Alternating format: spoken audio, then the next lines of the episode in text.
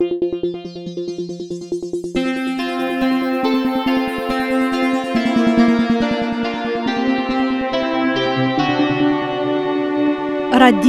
Esperanto. Parolas Kaliningrado. Saluton. Finfine, au pli ĝuste somerfine, la dudekokan de aŭgusto, El la Kaliningrada studio de Radio Esperanto, Vindenova salutas Aleksandr Kroženkov kaj Halina Gorecka. Okaza denija dua čijara programo, kiu aperas ses monatojn post nia antaŭa tridek sepa sonprogramo. Ni tamen ne pardonpetas pro malfrua, ĉar antaŭ duona jaro ni ne promesis baldaŭan reparolon. Tamen ni devos reaperi antaŭ vi pro grava afero, kiun jam konas la legantoj de la Ondo de Esperanto kaj la partoprenintoj en la kvindek dua bet. Temas pri la estonteco de la Ondo. Doni, la redakcio de la Ondo de Esperanto, kiu ĉi-jare festas la dudek kvin de la refondo, tre atente analizis la problemojn ligitajn kun la pluaj produktado kaj distribuado de la revuo. Ni konsultis pri tio kelkajn fakulojn. Fine ni concludis che Unue, la malcresco da abono el paperei gazetoi prescu cie en la mondo estas clara tendenzo pro kiu multe gazetoi perdas rentabilitaton. Tio precipe validas por gazetoj kun malmultaj abonantoj, cioi ne estas interesei por reklamdonantoj. Due, la crescado de la postei tarifoj pleacrigas la situacion de tiui gazetoj, kiuj estas distribuataj en kioskoi, sed estas disendataj poste. Tio koncernas preskaŭ ĉiujn esperantajn gazetoin. Trie, en la du laste iaroi pro la sankcioj de la Europa Unio contro Ruslando malvarmigis la relato inter Ruslando kaj Europa Uniei neibaroi, Pollando, kie nia revuo estas presata, kaj Litovio, de kie la revuo estas poste dissendata – Tio sentigas interalie en la pli rigora visa politico de la Pollanda kaj Litovio konsilejo en Kaliningrado, en la pli severa kaj pli longa dogana kaj pasporta kontrolado ĉe la limoi, en la redukto de la busa kaj fervoja trafiko. Quare? La sanstato kaj la agio de la eldonanto kaj de la redaktoro de la ondo – ne plu ebligas al ni la antaŭan senpenan transportadon de pezaj sakoj trans la limoj en la malmulte restintaj busoj. La ŝanĝo de la presejo de Olŝtino al Kaŭno ne solvis la problemon. Kvine. En la jaro 2007 ni lanĉis elektronikan abonon laŭ la normo Podofo. De tiam plurai abonantoi rezignis per la papera ondo avantaĝa alla elektronika – sed inter la nune elektronicae bonantoi estis antau tiui, kiui pli frue neniam abonis la ondon papere. La cresco de la elektronicae abonoi iomete mildigis la malcrescon de la abonoi paperei. En la 2014 cae 2015 jaroi iom pli ol kvarono da abonantoj preferis la elektronikan version, kiu estas pli rapida, mal pli costa kaj pli ekologia, kaj je la unua de julio 2016 jam circu 30% da abonantoi estas elektronikai. Sese, Char por la posedantoi de libro legiloi, sag telefonoi cae negrandei plat computiloi, la legado de la A4 formata Podofo revuo ne esas opportuna, ni pretigis provnumeron de la Marta Ondo lau la normo EPUBO, legebla helpe de plurei apparatoi. La reagoi de la testintoi estas tre positivai. Considerinte la suprain concludoin, ni decidis che en la 2017 jaro la revuo aperos nur elektronike. La Podofo versio ne plu estos akvar formata sed malpli granda, porque oni povu facile legi la tutan pagion en la kutima computile ecrano, cae la epuba versio estos plu farata por libro legiloi cae sag telefonoi.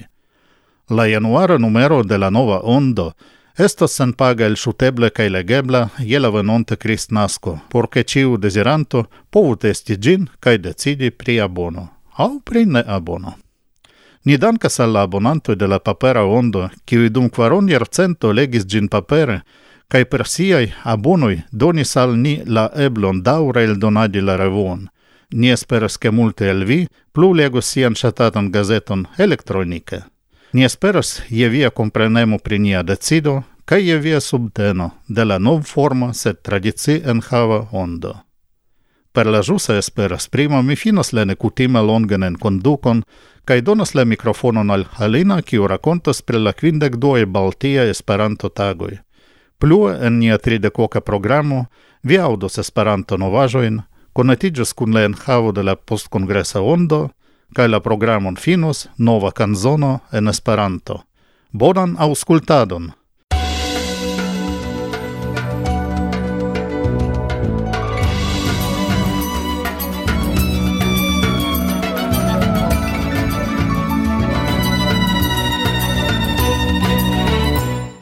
La quindec due Baltie Esperanto tagoj okazis la duan decan de julio en la litovia kuracurbo Birŝtonas ĉe Nemano. Ĉi tiu pitoreska urbeto, circauata de pinarbaroi, estis invadita de pliul ol tricent verdlingvanoj. Sur la longa caio de Nemano au sur la monteto apud gi, en cafeio, biereio au vendeio, cele mineral aqua trinkejo au En la parco dum deco da tago Esperanto sonis ĉie en la urbo.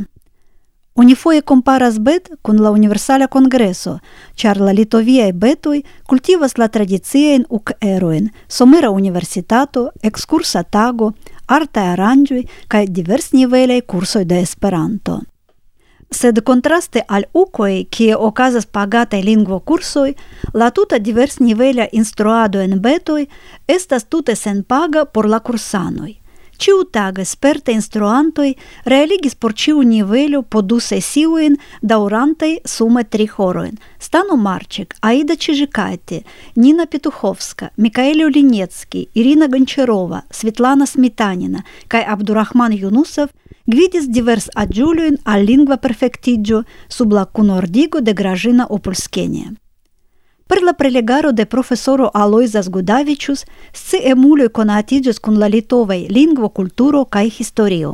Сиан курсон Esperanto en Intercultura Comunicado презентис професорино Илона Кутни ела Университато Адам Мицкевич, познано Поландо.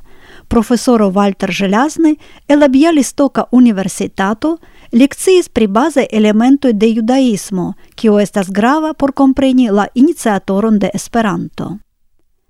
La klerigan programon kompletigis prelegoj pri variaj temoj, iuj rilatis al Esperanto, aliaj al ĝeneralaj temoj, kiel kosmo kaj astronomio, kulturo de Pakistano kaj Nepalo, rilatoj inter homo kaj besto – defende konstruaĵoj de la decnaua jarcento, fabeloj kaj historiae eventoj kaj tiel plu. Oni ne nur multe instruis, sed anco raportis pri modernaj eblezoi lerni ĉe Duolingo, distanzei kaj retaj kursoj pri loko de Esperanto en socireta epoko. Sed Esperanto utilas ne nur al esperantistoj, tion trafe pruvis Maria Pokŝivnicka, conigante sperton de la etnografia muzeo en Toruń, Polando. Estis presentite libroi de impeto, la crim romano la aventuro de Sherlocko Holmeso, cae historiu de la esperanta literaturo. Prescu ciu esperantista rencontigio povas envii la ricetson de la cultura programo. Jerzy Dobrzynski, profesoro de la Varsovia Musica Universitato, multe aplaudata de danca publico, pian ludis vercoin de Frédéric Chopin – Концерти кај Јомо, сепа кај Сорти, Жомарт кај Наташа, кај Келке гитар кантистој. Ла актора театро Верда Банано, кун Саша Пилипович кај Георго Ханслик, презентис модернан хисторион ла кредито. Pli parto de la arta programo okazis en la malnova distreo Kurhaus, tipa por la. en la urba kulturcentro koncertis por la bet anoj du lokaj folklore ensembloj. Al altnivela plenumo de kantoj, muziko kaj dancoj, interesa instrumentoj kaj belaj naciaj kostumoj ravis la internacian publikon. La tutaga ekskurso ebligis ekkoni bien palacojn en la regiono Suduva. La duontaga ship excurso venigis la partoprenantojn al Kaono. Frandemuloj visitis la produktejon de medo en Stakliškes kaj gustumis ĉi tiun tradician litovan drinkaĵon. La modela turisma organizado de Antanas Vesockas havis unu solan mankon. Li ne sukcesis antaŭmendi pli trafan veteron. Post la unuaj tro varmegaj tagoj venis pluveta kaj malvarmeta vetero. Ciutaga plencolora gazeto Balenido, kiun redacte Stano Marcic, informis pri la taga programo, donis detalajn informojn pri personoi cae aranĝoj, aperigis fotojn cae raportoen. La organizantoj parto prenantoi laudis la senprecedencan informan agadon por bet quindec du en la novaĵa reteio La Balta Ondo, kie dum unu jaro aperis abunda materialo. Unua foie en la moderna historio de Bet okazis granda quizo, lerte gvidita de la nesuperebla quizmaestro Marian Zdankovski. Dec concursa emuloi dum unu horo devis solvi dec ses dec demandain quizoin, do entute trovi respondoin al cent sesdec demandoi. La pli successa quizano Wolfgang Loze el Germanio solvis donon da taskoi – La plej sukcesaj kvizanoj ricevis diplomojn, librojn kaj unuafoje en bet monpremiojn. La publiko aktive partoprenis la kvizon, kaj ankaŭ la plej aktiva spektanto Svetlana Smetanina ricevis monpremion. Esperantistoj partoprenis en la tago de la ŝtato de kelkaj jaroj festata la 6 de julio je la dudek unua horo samtempe en diversaj lokoj de la mondo kie litovoj loĝas. En la parko de Vitautas urbanoj kaj gastoj de Birŝtonas kunvenis por kune kanti la litovan himnon. Estis aranĝita partopreno de esperantistoj kaj internacia grupo kantis la nacian glorkanton en Esperanto. La sola problemo estis tio, ke la kunvenejoj kaj la tranoktejoj situis en kelkaj disaj konstruaĵoj. La kursoj funkciis en la urba gimnazio, kiu ebligis senpagan uzadon de la komputila klaso kun reto. Prelegoj okazis en diversaj konstruaĵoj. Pro tio la programo enhavis dek kvin minutajn paŭzojn, dum kiuj eblis iri de unu loko al la alia parto da bet anoi loĝis sur la transa bordo de Nemano kaj devis uzi pramon, kiun luis kaj pagis la organizantoj. La tagoj estas nomataj Baltiaj pro la laŭvica okazigo en Estonio, Latvio kaj Litovio. Programe la kvindek dua bet estis internacia, kun forta domino de la kontribuoj el Litovio, Ruslando kaj Pollando ĉu la esperantistoj Latvio kaj Estonio ŝparis la forton por siaj propraj betoj en 2017 kaj 2018?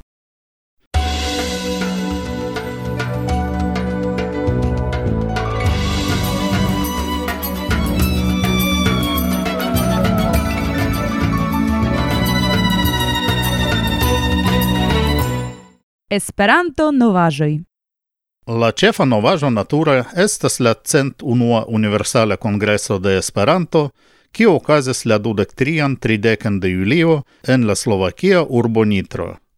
Ĝi ne nur malfermis la duan centon de Universale Kongresoj, sed ĝi ankaŭ montris la direkton, laŭ kiu niaj mondkongresoj povus fariĝi pli junecaj, pli allogaj kaj pli publikaj. Ĉu tie ili estos? Ni vidos tion post unu jaro en Seulo kaj post du jaroj en Lisbono.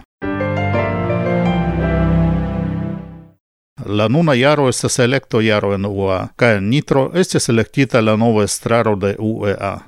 Laŭ la propono de elekta komisiono, estis sen alternative electitai ses candidatoi frunte cun Mark Fettas, kiu plenumos sian duan trijaran prezidantan mandaton en la plej granda esperantista asocio.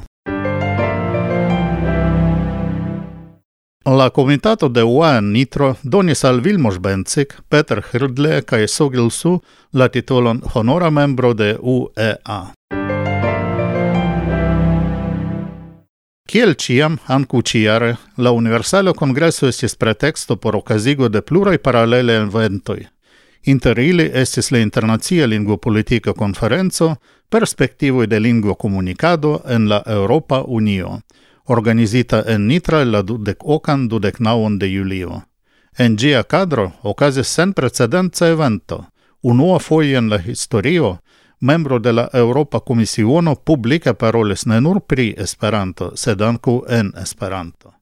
Temas pre la konferenca ĉefparolado de Vitenis Andrukaitis, Litovia Eŭropkomisionano ekde la 2004 jaro, kiu lernis Esperanton antaŭ kvardek jaroj. Li diris interalie: Por mi persone, Esperanto havas klaran ligon kun la lukto kontraŭ devigo. En la sovetia tempo la uzo de Esperanto estis protesto kontraŭ la reganta rusa lingvo, kiun oni devigis al ni uzi. En la disidenta movado mi proponis paroli Esperanton anstataŭe, kiel simbolo de humanismo kaj demokratio. Nun ni forlasu nitron kaj audu kelkajn alilokajn novaĵojn.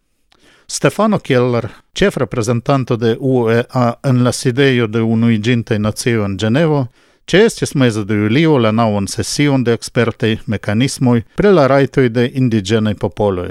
Li intervenis pri la popola tagordo, la celoj de la povo evoluo ca la rajtoj de indiĝenaj popoloj.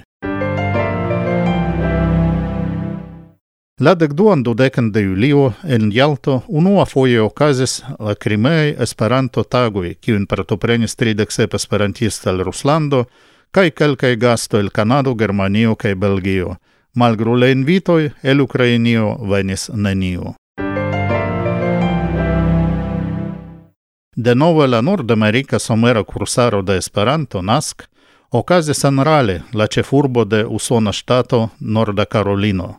En la terreno de la Universitato William Peace, quindec tri studantoi el Canado, Cubo, Brasilo kaj Usono studis de la dudec nao de junio gis la sesa de julio. La dudec sesan de julio, giuste je la cent dudec nao da treveno de la eldono de la unua libro de Zamenhof, la populara usona magazino Time aperigis amplexan articolon pri Esperanto. La Comitato de Teio aprobis sia novan statuton laŭ kiu la maximuma membro agio de citiu junulara asocio estas altigita de dudek naŭ ĝis tridek kvin jaroj. Profesoro Walter Želaznoj estas la nova prezidanto kaj Julian Modest la nova vicprezidanto de la Esperanta Pencentro. Ili estis unuanime elektitaj de la ordinara asembleo – okazinta la 3 de julio en Budapesto. Profesoro Carlo Minnae finis la verkadon de historio de la Academio de Esperanto kun rimarkinda amplexo de presku miliono da tajperoj. La stilo, referencoj kaj indeksoj similas al la strukturo de historio de Esperanto literaturo eldonita en la pasinta jaro. Fine ni revenas al Nitro kun iom pli leggera informo. La dude quinan de julio la internazia futbal teamo Esperanto, kiu en la lasta jaro ludas matchon en ciu universala congreso, futbales contro la Nitra teamo ZMOS.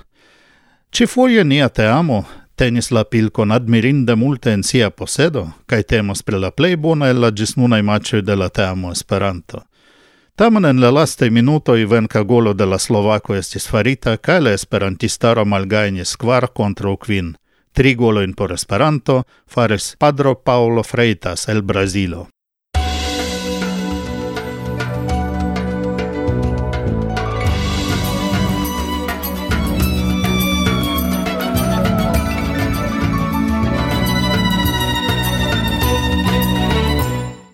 Parolas Kaliningrado.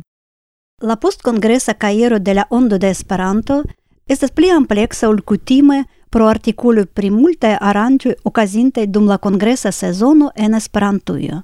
Al la plej granda kaj grava el ili, la centunua Universala Kongreso de Esperanto en Nitro, Slovakio, estas dediĉitaj pluraj tekstoj, inkluzive de la tradicia prikongresa artikolo de Jukka Pietilainen, kiu ĉijare redaktis la kongresan kurieron.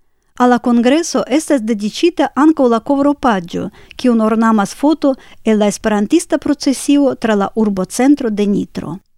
Bone pritraktataj estas ankaŭ aliaj kongresoj okazintaj preskaŭ samtempe en Slovakio, nome Kongreso de Rom Catolicae kaj Protestantae Cristanoi Esperantistoi, la Dudeka Internacia Medicinista Esperanto Konferenco kaj la Internacia Lingvo Politica Konferenco Perspectivoi de Lingva Komunikado en la Europa Unio, en kiu membro de la Europa Komisiono Vitenis Andriukaitis ĉefparolis en Esperanto. La pri Esperanta parto de lia parolado estas presita en la sekcio Tribuno. Krume oni povas legi pri la kvindek duoj Baltia Esperanto-tagoj en Litovio, pri la okdeknaŭa kongreso de SAT en Germanio, pri la kvardeknaŭa konferenco de ILEI en Hungario, pri la someraj Esperanto-lernejoj en Usono kaj Finnlando kaj pri multaj aliaj diverspecaj kunvenoj, kiuj montras la aktivadon de la esperantistoj.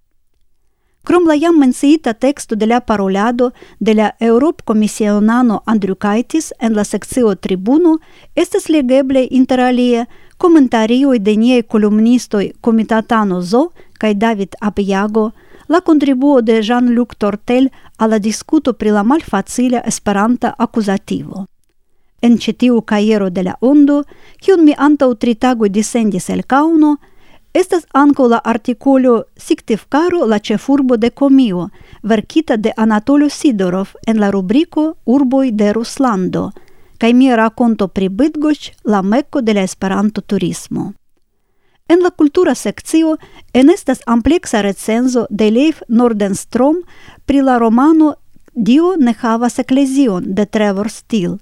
Informoj pri novaj libroj, anonco pri la literatura konkurso Liro – Kai en la fino kiel kutime estas la paĝo mozaiko kun nova konkurstasko kaj plia kolekto de spritaj splitoj kaj presk eraroj, plukitaj de Ištvan Ertel.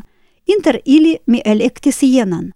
Leono Zamenhof estas la sesa frato de Ludovico kaj la dua vira post Felixo. Nu, ĉi tiu frazo el la historio de la Esperanta literaturo de Minaja kaj Silfer – povas esti nur scherza contribuo alla Zamenhofologio. En la plej freŝa ondo estas teksto, kiu vere alportas tute novan informon pri la iniciatoro de Esperanto. Nome, ni trovis en la ŝtata Ruslanda biblioteko en Moskvo, kiun kelkaj eble konas laŭ la malnova nomo Biblioteko Lenin, ĝis nun nekonatan presaĵon de Zamenhof. Ĝi aperis en Peterburgo en la jaro 1886 do unu jaron antau la apero de la unua libro. Temas pri grand formata tripaggia caiero, kiu enhavas ok versan cantajon de Zamenhof kun muzik noto de Rosenoer.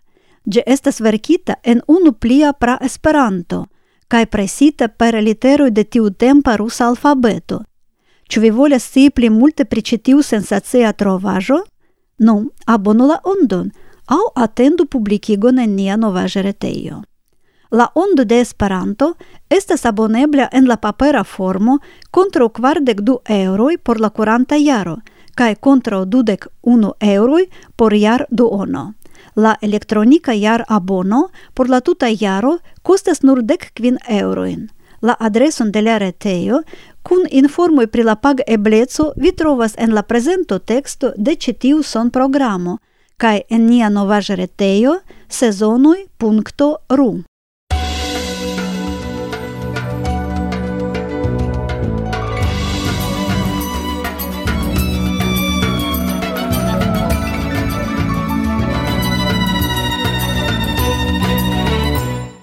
Vinil Cosmo, la plej konata muzikproduktejo en Esperanto, ĉi-somere ampleksigis sian katalogon danke al kvar ĵus aperintaj albumoj en la internacia lingvo.